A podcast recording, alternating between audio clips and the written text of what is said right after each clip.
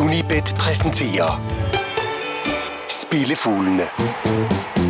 Ved mikrofonen Per Marksen og Jakob Hansen. Velkommen til Spillefuglene, der i denne uge blandt andet er i Spanien, Tyskland og Norge, og lader den fan-fænomenale Premier League sejle sin egen sø. I hvert fald her i programmet, for i Unibet TV så er der vanen tro fuld fokus på de engelske kampe, som altså ikke klarede kottet i øh, vores lille program. Hansen, øh, hvis vi kigger tilbage på sidste weekend, så var det ikke engang skinnet på næsten, men, men tættere på, end vi har været sidst. To rigtige, et push og tre forkerte. Og jeg ved, at du er specielt indebrændt over et af de der resultater. Ja, at man øh, rammer Morskrons første sejr siden 1916. Eller, altså, ja. Vi havde selvfølgelig tippet mod Moskron, og så går de hen og vinder. Uafgjort, så havde vi fået halvdelen af indskud og retur, men nej, eller ikke engang det. Og hvem er selvfølgelig hvem er der kommer foran efter fem minutter i AZ Feyenoord? Det er selvfølgelig AZ, hvor vi har sat sig på Feyenoord. Jeg synes, det er lidt svært i øjeblikket. Det er lidt tungt. Det er lidt og tænke tungt. mig snart at catch a break. Det er jo så det, vi skal øh, forsøge os frem med her. Men øh, selv jeg, som så burde være, være ekstra indebrændt, fordi nu gik vi med Tottenham. Ja. Men du kan ikke engang glæde dig over en Liverpool-sejr, fordi du havde jo ikke... Du, du sagde jo i sidste kunne jeg uge... det var et af de bedre vedmål at misse, når det skulle være. Ja, det var det alligevel, var. Ja, det var det. Men det var en forbløffende forestilling, og det må du også som Tottenham-mand synes. Det, det var jo, der var jo faktisk øh, noget af en verden til forskel på det Tottenham-hold, der vandt for hvad, om en lille måned siden på Old Trafford, og så det Tottenham-hold, der tog imod Liverpool i lørdags. Det var øh, nærmest to forskellige hold. Det var et boglamt Ja. Ja. Og jeg synes jo ikke, det var fordi, at Liverpool decideret spille blinde. Jeg har, vi har da under Klopp set Liverpool spille væsentligt bedre, end de gjorde mod Tottenham. Men det, det var rigeligt. Det var rigeligt, og så... Øh, nå ja, den skal jo have en årsag. Michel Worm i målet. Ikke nogen fuldgyldig erstatning for Hugo Lloris den dag. Nej. Ja, der må jeg nok sige, der havde jeg gjort regningen uden Michel Form. Det at han har helt glemt at tage med hænder, åbenbart. Sådan var det. Ja. Det Tre, altså de, de, tre, de tre forbier, vi noterer også et, et øh, lille underskud. Det er ikke, at det skal øh, ødelægge den gode stemning. Nej. Du Du skal også- ikke rundt med oddsene af den grund. Der havde vi også lige, vi havde lige tre ting, vi havde øh, kigget på uden for programmet på det her punkt, der hed, øh, som, som vi med jævne mellemrum vil indføre på sporet af. Og det viste sig, at vi var faktisk ikke rigtig på sporet af noget som helst. Nej, ikke i første omgang, men det vil jo vores... Øh, det vil projektet øh, jo vise i løbet af foråret, jeg sagde, eller i løbet af efterårssæsonen. Jeg sagde jo, at øh, det er noget, vi holder øje med uge for uge, og, og tager, går samme vej igen. Som, altså, projektet gik ud på at kampe, hvor man synes, man var på sporet, og, om, om det så, og, og så finde ud af, om det rent faktisk øh, var et totalt vildskud, eller man rent faktisk var på sporet, og at hvis man holder fast i det, om der så er gevinst at hente, hvis man, hvis man er stadig et par, et par runder mere. Øh, Og der var ikke gevinst i første omgang på, på to af vedmålene. HB Køge, de holdt. Men øh, så må vi øh, jagte de to andre endnu en gang. Og jeg, jeg, jeg har som, vi skal, vi skal prøve dem to gange efterfølgende. Altså, er de ikke gået hjem to, er det, har der ikke vist sig gevinst i to gange efter, vi øh, første gang lancerede vedmålet? Så er det droppet. Så, er det, så ikke mere space der. Nej. Men så lad os hoppe øh, direkte ud i ugens, weekendens program. Lad os gøre det. Hvor ugens uundgåelige fodboldkamp for en gang skyld er en øh, dansk af slagsen. Det er det jo en gang imellem. Den øh, her fodboldkamp, den finder vi i Aarhus. Fordi det plejer at være festligt, når øh, Brøndbyerne de øh, kommer til Aarhus. Selvom ordensmagten på stedet måske ikke har den helt samme opfattelse. Nej. AGF og Brøndby plejer at spille nogle drabelige opgør. Og øh, du kigger altså mest hjemmeholdets vej her. Hænger det en lille bitte smule sammen med, at Brøndby lukkede fire mål ind på deres eget stadion i weekenden. Det gør det i allerhøjeste grad. jeg synes, det er et forbløffende højt odds, man får på AGF i det hele taget. Jeg er ikke modig nok. Havde vi nu været bedre kørende de sidste fire uger, så havde jeg måske været modig nok til at gå direkte på et-tallet. Nu tager jeg den med som draw no bet, og selv på det, hvor du så får indskud i retur på uregjort, får du altså 2,75 på AGF. Og i sidste sæson, hvor Brøndby var virkelig, virkelig god, høstede AGF 4 point ud af 6 mulige mod de blågule. Sådan som øh, Brøndby præsterer i øjeblikket, har vi ikke rigtig nogen indikation af, at de er blevet bedre i mellemtiden. Til gengæld, så bortset lige fra sidste uges nederlag til AGF, øh, så er der næppe tvivl om, at AGF er blevet bedre. Brøndby gik ind til landskampspausen på nakken af nogle ringe resultater, øh, exit i Europa League, og en defensiv, der sejlede fuldstændig. Så har man 14 dage på træningsbanen, både til at arbejde med, hvad der er gået galt de, de foregående kampe, til at få lidt humør på, til lige at regruppere sig, og så gå til angreb på ligaen igen. Og så løber man ind i et nederlag på 4-2 på hjemmebane mod Sønderjyske, som man i sidste sæson bankede 4-0 samme sted. Det kan simpelthen ikke undgå at have gjort andet end rigtig, rigtig ondt. Og måske har det også gjort mere ondt, man sådan lige i første omgang skulle tro, at man vinkede farvel til øh, Frederik Grønov, til Timo Pukki, til Christian Nørgaard. Øh, den ene, en igennem flere sæsoner profileret målscorer, de to andre sandsynligvis nogle af de stærkere typer på holdet, der har, har grebet en takstok i de kampe, hvor det måske lå lige på vippen, og, og var i stand til at hive marginalerne til, til Brøndbys side i sidste sæson. Og det ser, særligt i defensiven ser det i hvert fald ud til, at der lige nu mangler folk, som tager ansvar. Øh, det, de spiller lidt som en flok hovedløs høns. Og man kan sige, nok lukkede AGF's forsvar også tre mål ind i sidste uge, men vi ved, at de er mega tændte til en kamp mod Brøndby i al almindelighed, og i hvert fald, og især en, en Brøndby-kamp på hjemmebane. Og det må være et Brøndby-hold, som er lettere at ryste end vanligt, der kommer til, til Aarhus på søndag. Alex Sornier er ikke kendt som mand, der pludselig hiver plan B frem. Og jeg synes, det er et meget højt odds at få på et hold, som i august var få sekunder fra at besejre FCK på eget græs, men måtte nøjes med 1-1 på en, på en FCK-scoring i, i tillægstiden. I Brøndbys nuværende form, synes jeg simpelthen, at det her spil, det, det er for godt til at ligge. Det skal prøves af. Når AGF i, to, i sidste sæson kunne vinde 2-0, så har de også chancer i, den, i, den, i Brøndbys nuværende form. Hvad der gav, altså udover at de spiller som hovedløse høns, hvad er det så? Er det, er det, hvad er der galt? Er det, er det Sorniger uden en plan B? At han har, det ved vi jo også fra hans tid i uh, Tyskland, i Stuttgart og i Leipzig, at han er kendt som en mand, der har... Han, han, han har en plan, og den holder han. Han, han har otte gear i sin bil, og det er altid 8. og vi kører simpelthen bare i 8. Færdig arbejde. Ja, jeg tror da, det er men jeg, jeg tror da, det er en del af grunden, øh, at han er meget stedig og holder fast i sin, i sin egen taktik. Men, men man har også rost øh, den taktik og det arbejde, han har lavet i de første to sæsoner. Så, så jeg synes, det, altså, man kan ikke bare uden videre stille, stille, øh, gå modsat og så øh, kritisere manden for, for øh, hans taktik. Og, og han vil måske også få svært for, ved over forholdet at have, have benhårdt i to sæsoner og have plæderet for, at sådan her spiller vi færdig arbejde. Kan du ikke, vil du ikke spille sådan, så er du bare ikke i Brøndby. Så kan man jo ikke pludselig hive frem, at nu skal vi altså spille defensivt.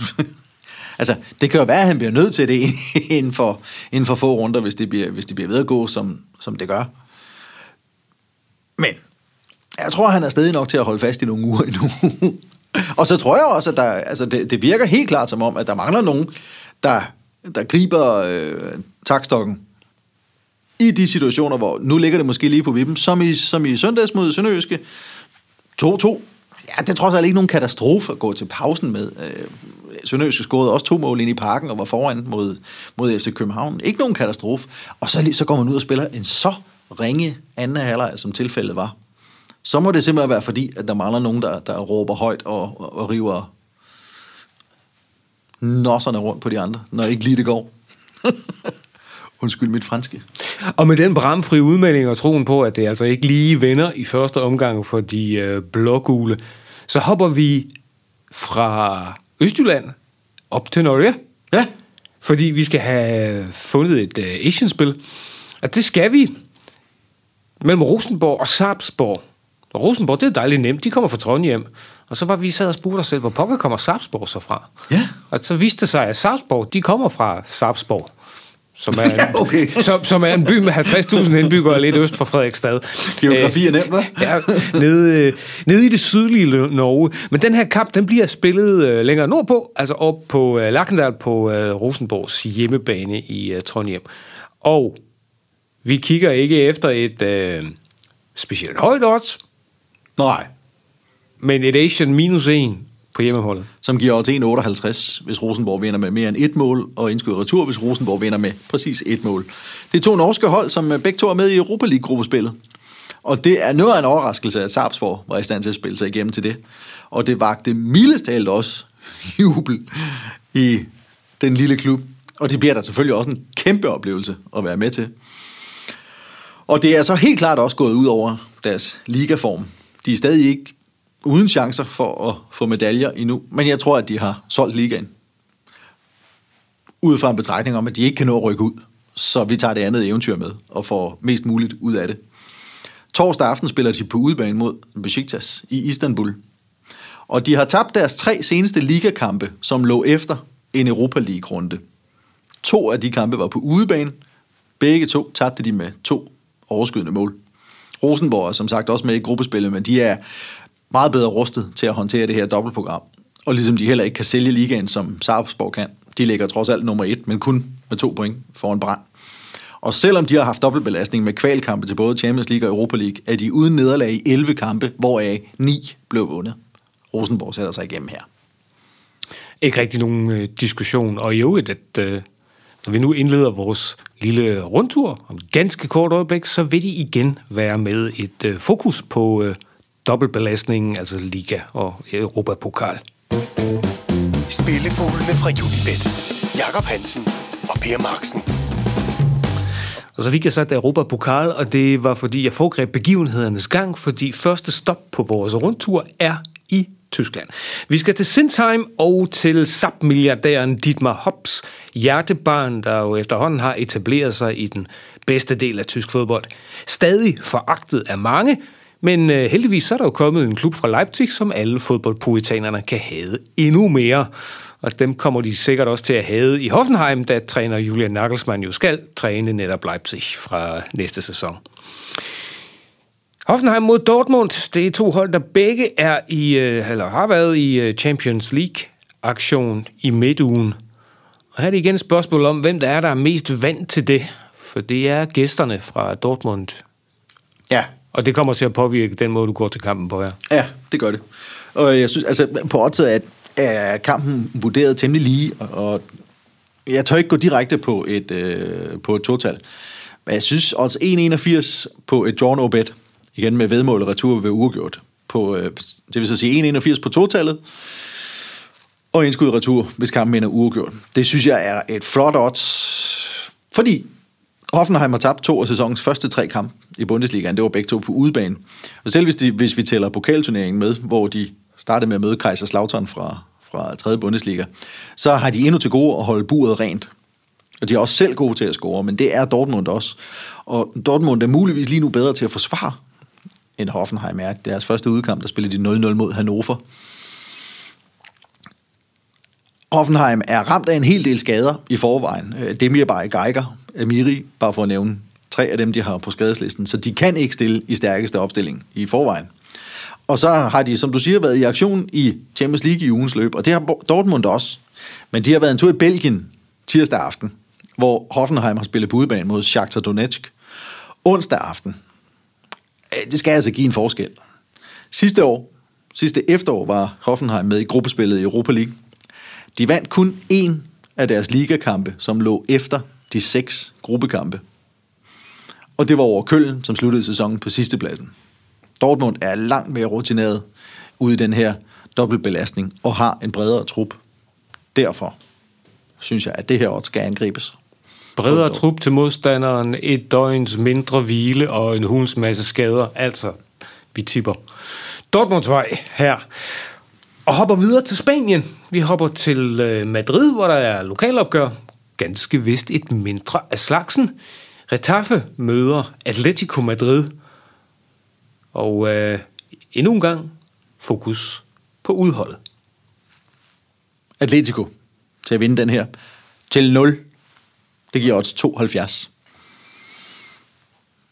Getafe de sluttede øh, nummer 8 i sidste sæson. Og som oprykker tabte de ikke en eneste gang med mere end to overskydende mål. I en liga, der huser Real Madrid og Barcelona. Det er trods alt okay, Per. Af deres syv hjemmekampe mod de hold, som sluttede over dem i tabellen, vandt de to og tabte fem. Alle fem nederlag var på et overskydende mål. Blandt andet mod Atletico. 6. november 2011, der vandt Getafe med 3-2 over Atletico Madrid. Dengang var Gregorio Manzano træner for Atletico. Så tog Diego Simeone over, og siden har Getafe ikke scoret mod Atletico Madrid. De, de, de, Diego Simone i rollen som Gandalf, none shall pass. None shall pass. De har mødt hinanden 13 gange i mellemtiden. Getafe har som sagt ikke scoret.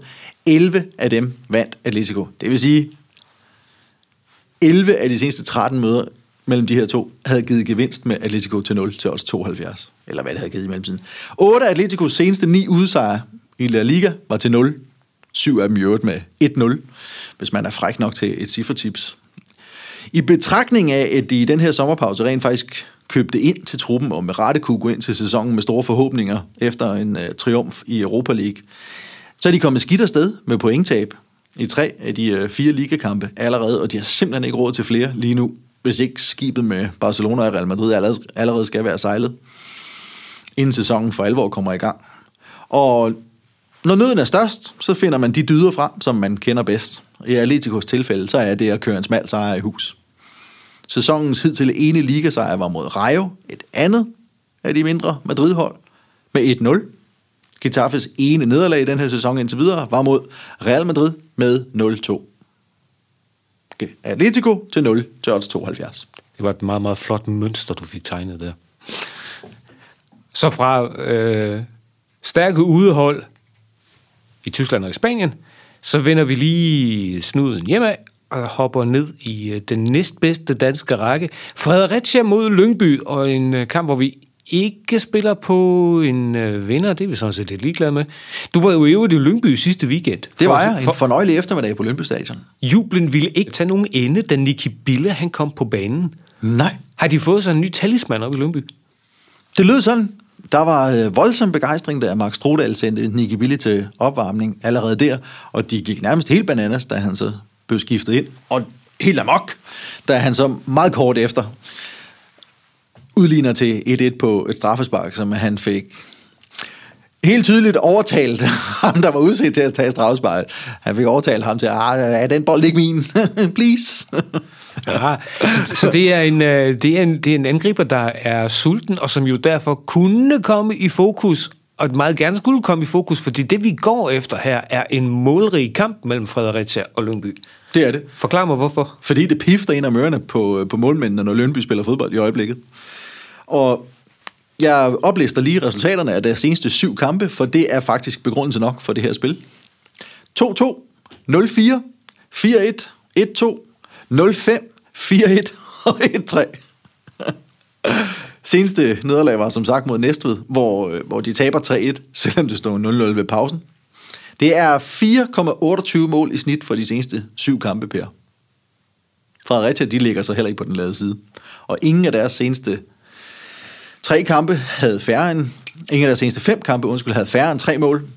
De lavede eksempelvis samlet selv fem mål i to kampe mod Viborg og HB Køge, som ligger nummer 1 og 2 i tabellen, så skal der nok også vise sig muligheder mod en så gavmild defensiv som den Lønby, de læste op for tiden. Mindst tre mål, det vil sige indskud i retur, hvis der bliver scoret 3, og 2-33, hvis der falder mere end tre kasser. Det lyder jo kun meget fornemt. Så 2,33 her, 2,70 i det spanske og 1,81 i det tyske, hvad, hvad vi har i øh, godteposen fra den europæiske rundtur. Vi mangler det vanlige sidste punkt på programmet. Spillefuglene fra Unibet. Og lad os så få langskuddet. Og nu sidder der nok nogen, der har hørt os køre igennem fem spilforslag, og så undrer sig gevaldigt over, hvor pokker det skotske det bliver af. Men det er selvfølgelig, fordi vi har gemt det her til sidst. For selvfølgelig skal vi til Skotland, nærmere bestemt til Kilmarnock, og til en kamp, som øh, Hansen han regner med ender som noget af en langgaber. Ja, og du får også tre på det spil, der hedder Asian under 2.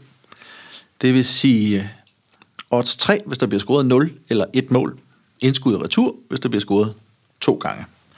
De har spillet fem runder i Skotland, og kan du på stående fod fortælle mig, hvad Celtics målscore er, Per? Det har jeg beklageligvis ikke den ringeste enelse om. Nej, så er det godt, du har mig, er det ikke? Jo, det er lige præcis det. Oplys mig. 5-2 Voldsomt. efter fem kampe. Deres seneste fire kampe i ligaen. 0-1, 1-0, 1-0 og 0-0. Den målløse kamp var mod St. Mirren, som runden før havde tabt 4-1 til Hearts.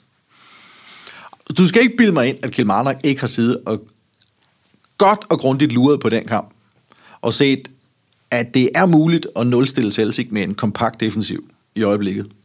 Og man kunne forestille sig, at de, øh, at de mangler ganske enkelt bare at finde en fuldgod kreativ erstatning for Moussa Dembélé, som fik gennemtrumfet et skifte til Lyon på ægte Aubameyang manér. Tæller vi øh, sidste sæson med, der havde syv af Kilmarnocks seneste otte ligakampe højst to mål. Fem af dem havde højst et mål. De her to spillede som vanligt fire gange mod hinanden i ligaen i sidste sæson. Den første sluttede 0-2, den anden sluttede 1-1, den tredje sluttede 1-0, og den fjerde sluttede 0-0. Så vi bevæger os Jeg ved ikke, om der så kommer minusmål. Vi holder øje med, hvor mange mål, der bliver underkendt. ja, ja, lad os gøre det. Og øh, der er ikke rigtig noget, der tyder på, at nogle af parterne er blevet mere målrige i mellemtiden. Det er et flot odds, det her. Det må du indrømme. Ja, men det, med den her tendens, fordi det er jo ikke... Øh, altså, vi har jo gennem sæson efter sæson været vant til, at Celtic de bare høvler mål ind efter, efter Ja. behov, ikke? Nej, det, det har gjort nas at sige farvel til Dembélé. Det er der ikke nogen tvivl om. Det er jo en kæmpe profil for den skotske liga. Nok også derfor, at han er væk derfra igen. det er det nok. Og man kan sige Celtic, Lyon. Åh oh, ja, altså, der er sikkert okay i Glasgow, men Jeg gætter på, at både vejret og vinen er bedre i Lyon. ja, Altså, Asian under to scoringer øh, i det skotske Kilmarnock mod Celtic. Til gengæld tror vi på masser af mål. Asian over tre af slagsen, når Fredericia de møder Lyngby. Vi tror, at Atletico Madrid de vinder udekampen mod Getafe til 0. Vi tror, at øh, Dortmund slår Hoffenheim, eller vi tager øh, og garderer den af. Det bliver totalt som draw no bet. Og vi har det endnu et Asian-spil, Asian minus 1 på øh, Rosenborg over Sarpsborg i øh, den øh, bedste norske række, og et draw no bet på øh, ugens uundgåelige AGF, de øh, møder Brøndby i Superligaen. Husk, at du kan finde alle Hansens øh, spilforslag inde på Facebook og på sportsmagasinet under unibet.dk. Du kan jo også finde ham på Instagram, på Tumblr, på Twitter, ja, på alle de der sociale medier, der har J. Hansen en finger på den bankende puls. De levende billeder altid findes på YouTube-kanalen for Unibet Danmark, hvor det er Anders Sigdal, der styrer løjerne. Har du øvrigt lyst til at dissekere tysk fodbold i særdeleshed, så gør det i vores Bundesliga-studie på Facebook og på YouTube. Lars Juhl producerede denne udgave af Spillefuglene. Vi er tilbage på pinden igen i næste uge. Tak fordi du lyttede med i denne omgang. Spillefuglene fra Unibet. Jakob Hansen og Per Marksen.